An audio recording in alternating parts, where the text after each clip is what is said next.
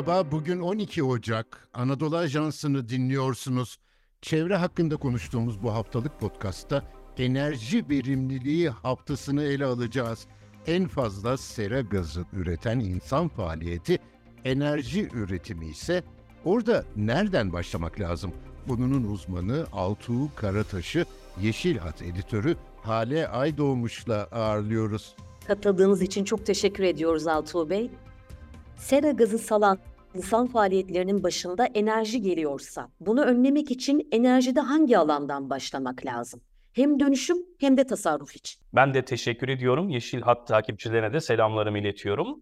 Tabii insan e, oturduğumuz konutlar da dahil olmak üzere, ulaşım da dahil olmak üzere birçok noktada yoğun biçimde enerjiyi kullanmakta ve enerjiyi kullanırken de fosil yakıtlar vesilesiyle de emisyon salımı gerçekleştirmekte. Onun için öncelik konutlardan başlıyor. Binalarımızın, iş yerlerimizin ya da ticari binalarımızın kamuda dahil olmak üzere yalıtımı birinci sırada. Çünkü yalıtım yapılmadığı takdirde ısıtma ve soğutma ile ilgili harcamış olduğumuz enerjinin ortalama yüzde kırkı israf oluyor. Yani verimsizlikten dolayı kaçmış oluyor. Daha doğrusu biz yüzde kırk daha fazla enerji tükettiğimiz için karbon emisyonlarında yüksek bir miktarı boşa e, salmış oluyoruz.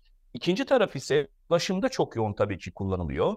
Ulaşımda kullanılan karbon emisyonlarının da belki elektrifikasyon dönüşümü diye bahsettiğimiz araçların elektrikli araçlara dönüşümü, bu elektriğin yeşil enerjiden elde edilmesi üzerinden gidersek e, sadece insanların kullandığı araçlar değil, hava yollarından deniz yollarındaki nakliyete kadar da gittiğimizde çok yüksekte bir e, karbon emisyonu salımı da ulaşımda gerçekleştiriliyor. Üçüncü taraf ise yine elektrifikasyonla evlerimizde kullanmış olduğumuz elektrikli araçlardan, cep telefonlarından, bilgisayarlardan, televizyonlardan, beyaz eşyalara kadar yine günlük ihtiyacımızı karşılayan ekipmanların da kullanmış olduğumuz elektrik enerjisinin fosil yakıtlar tarafından üretilmesiyle e, burada da karbon salımı ve emisyonu yüksekliği ortaya çıkıyor. Bu genel sıralama içinde tabii ki birincisi yalıtımla yapacağımız enerji verimliliği ve ortaya çıkacak tasarruf emisyonların azaltımına sebep olacaktır. Yine bununla birlikte evlerimizdeki beyaz eşyaların, e, kullandığımız elektrikli ekipmanların belirli bir enerji verimliliği kültürü ve farkındalıkla ilgili kullanımlarında edeceğimiz dikkatle de enerji verimliliği sağlanabilir. Ee, örneğin bir çamaşır makinesi ya da bir bulaşık makinesinin ekonomik programda çalıştırılması bile yaklaşık %30 ila 40'lık elektrikte verimlilik ve tasarruf sağlamaktadır. Ee, ya da evlerimizde standby'da duran elektronik eşyaların bir düğme vasıtasıyla kapatılması ve ömrü boyunca tükettiği elektriğin %3-4'üne tekabül edebilir. E, toplu taşımayı kullanmak gibi ya da hava yoluyla ulaşımı azaltmak da bizim e, karbon ayak izimizin azalmasında ciddi etkilere sebep olacaktır. Elektriği üretirken emisyon e, bırakıyoruz atmosfere ve e, elektriği şimdi e, ulaşımda da kullanma durumu ortaya çıktı.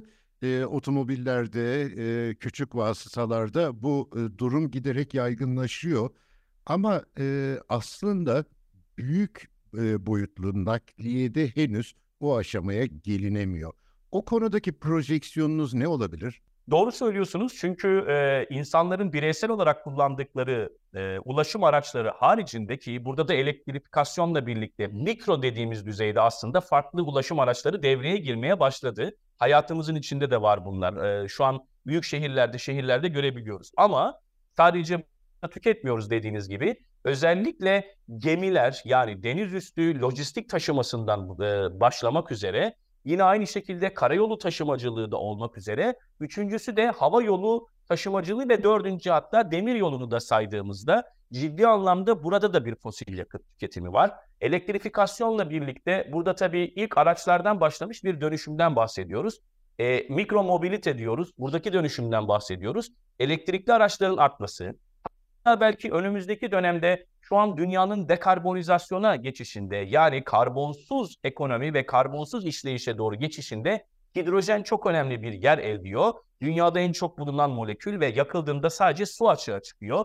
Dolayısıyla yenilenebilir enerjiden elde edilecek yeşil hidrojenin de yine ulaşımda kullanılmasıyla birlikte elektrifikasyon dönüşümüyle birlikte buradaki karbon emisyonlarında ciddi azalma olabilir. Ama burada bireysel kullandığımız araçlardaki dönüşümün esas ana ulaşımda kullanılan, transportta ve lojistikte kullanılan gemiler ve uçaklar da dahil olmak üzere dönüşümünün çok hızlı olabileceğini düşünmüyorum. Onlara belirli bir zaman gerekecektir ama Avrupa'nın ve Türkiye'nin vermiş olduğu 2050-2053 gibi karbon nötr hedefi yolunda e, buradaki yol haritasının içinde ben ulaşımdaki bu yeşil dönüşümünde en temel noktalardan birisi olduğunu düşünüyorum.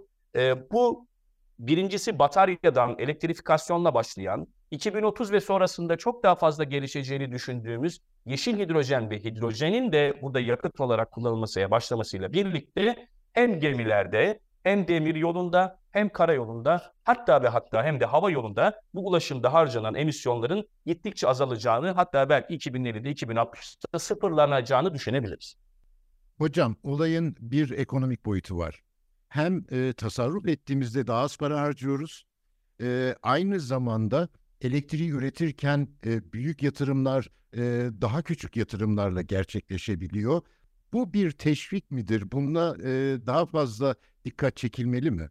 Şimdi burada tabii ekonomik kısım, enerji dediğimiz kısım çok önemli. Sadece Türkiye için bakarsak e, geçen yıl artan enerji maliyetleriyle birlikte de yaklaşık 96 milyar dolarlık bir faturası Türkiye'nin. Ama dünyaya da baktığımız zaman trilyonlarca dolarlık bir maliyetten bahsediyoruz. Ee, bu dönüşüm ve tasarruf yani hem işin ikiz dönüşüm diye adlandırılıyor çünkü. Bir taraftan yeşil dönüşüm ve enerji verimliliği dönüşümü, ikinci tarafta ise dijital dönüşüm. Artık dünyada kaçınılmaz olarak bu ikisinin birlikte hareket etmesi gerektiği kanaati var ve buna ikiz dönüşüm ismi veriliyor. Bu ikiz dönüşüm aslında ilk başta bir bariyerle karşılaşıyor. Neden? Hem yeşil dönüşüme, hem enerji verimliliğine, hem de dijital dönüşüme imkan verebilmek için önden bir yatırım yapmanız gerekiyor. Yani güneş santrali, güneş paneli, rüzgar türbini ya da jeotermal enerji, yine aynı şekilde enerji verimli ürünler, bunlar daha yüksek maliyetli oluyor veya enerji verimliliği projeleri. Bir taraftan da dijital dönüşüme yapılacak yatırım bir bariyer gösteriyor. Fakat Türkiye'deki ortalamaya baktığımız zaman verimlilik projelerinin geri dönüş süresi 2 yıl, yenilenebilir enerji projelerinin geri dönüş süresi ise 4 ila 6 yıl arasında çıkıyor. İlk bariyeri aştığınız zaman ise artık ondan sonra üretilen temiz, karbonsuz, emisyon neredeyse sıfıra yakın bu enerji şeklinde ise artık kendi kendini amorti etmiş, karbon emisyonu sıfır, maliyetini karşılamış ve ondan sonra bedava elektrik e, üretebilecek veya enerji üretebilecek sistemlere kavuşmuş oluyorsunuz. İkiz dönüşümün ikinci tarafında ise dijital dönüşümün akıllı şehirler, akıllı evler, akıllı ticari binalar hatta akıllı ulaşımda dahil olmak üzere oradaki verimliliği de arttırabilecek muazzam bir altyapıya hitap ettiğini düşündüğümüzde burada da çok ciddi bir tasarruf ekonomisi çıkacaktır.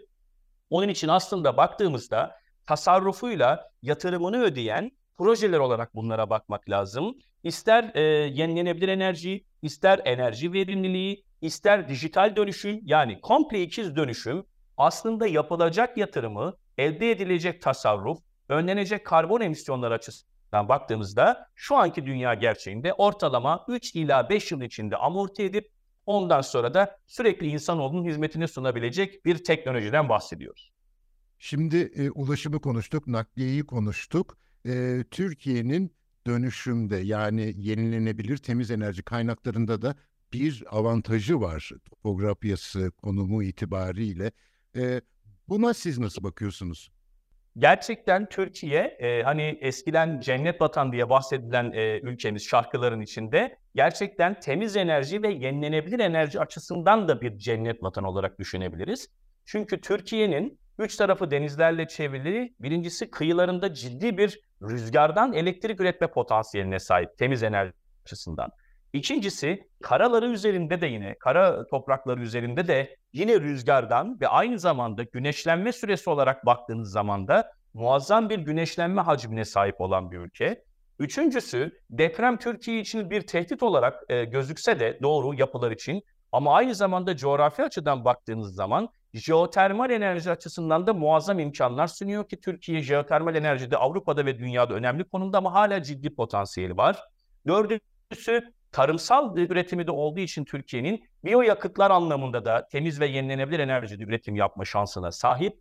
Yine Türkiye'nin 1960'lı yıllardan GAP projesiyle birlikte baktığınız zaman su kaynakları da ciddi. e, hacme sahip. Hatta Avrupa'nın en büyük ikinci hidro kaynağına, dünyanın en büyük dördüncü hidro kaynağına sahip ülkemizden bahsediyoruz ki hala potansiyel var. Tüm bunları ele aldığımız zaman da yenilenebilir enerji açısından dünyanın en önemli kaynaklarından birine sahip olan Türkiye hem yenilenebilir enerji potansiyeli, biraz önce de bahsettiğim artık dünyanın karbonsuz yakıtı olarak görülen hidrojenin yenilenebilir enerjiden üretilen versiyonu yeşil enerji açısından da son derece cazip bir merkez olduğunu, Avrupa'nın birçok ülkesinin Türkiye'den yeşil hidrojen e, teminliğiyle ilgili görüşmeler yaptığını da düşündüğümüzde işin daha sonraki boyutta dalga enerjisi, işin daha sonraki boyutta diğer temiz enerji kaynakları kısmında düşündüğümüzde Türkiye temiz, yenilenebilir ve verimli enerji açısından gerçekten dünyanın önemli noktalarından, coğrafi bölgelerinden biri olduğunu söyleyebiliriz. Hem Yeşil Hat editörü Hale Aydoğmuş hem de enerji verimliliği uzmanı Altuğ Karakaş'a çok teşekkür ediyorum. Bizi hangi mecrada dinliyorsanız orada abone olmayı lütfen unutmayın. Hoşçakalın.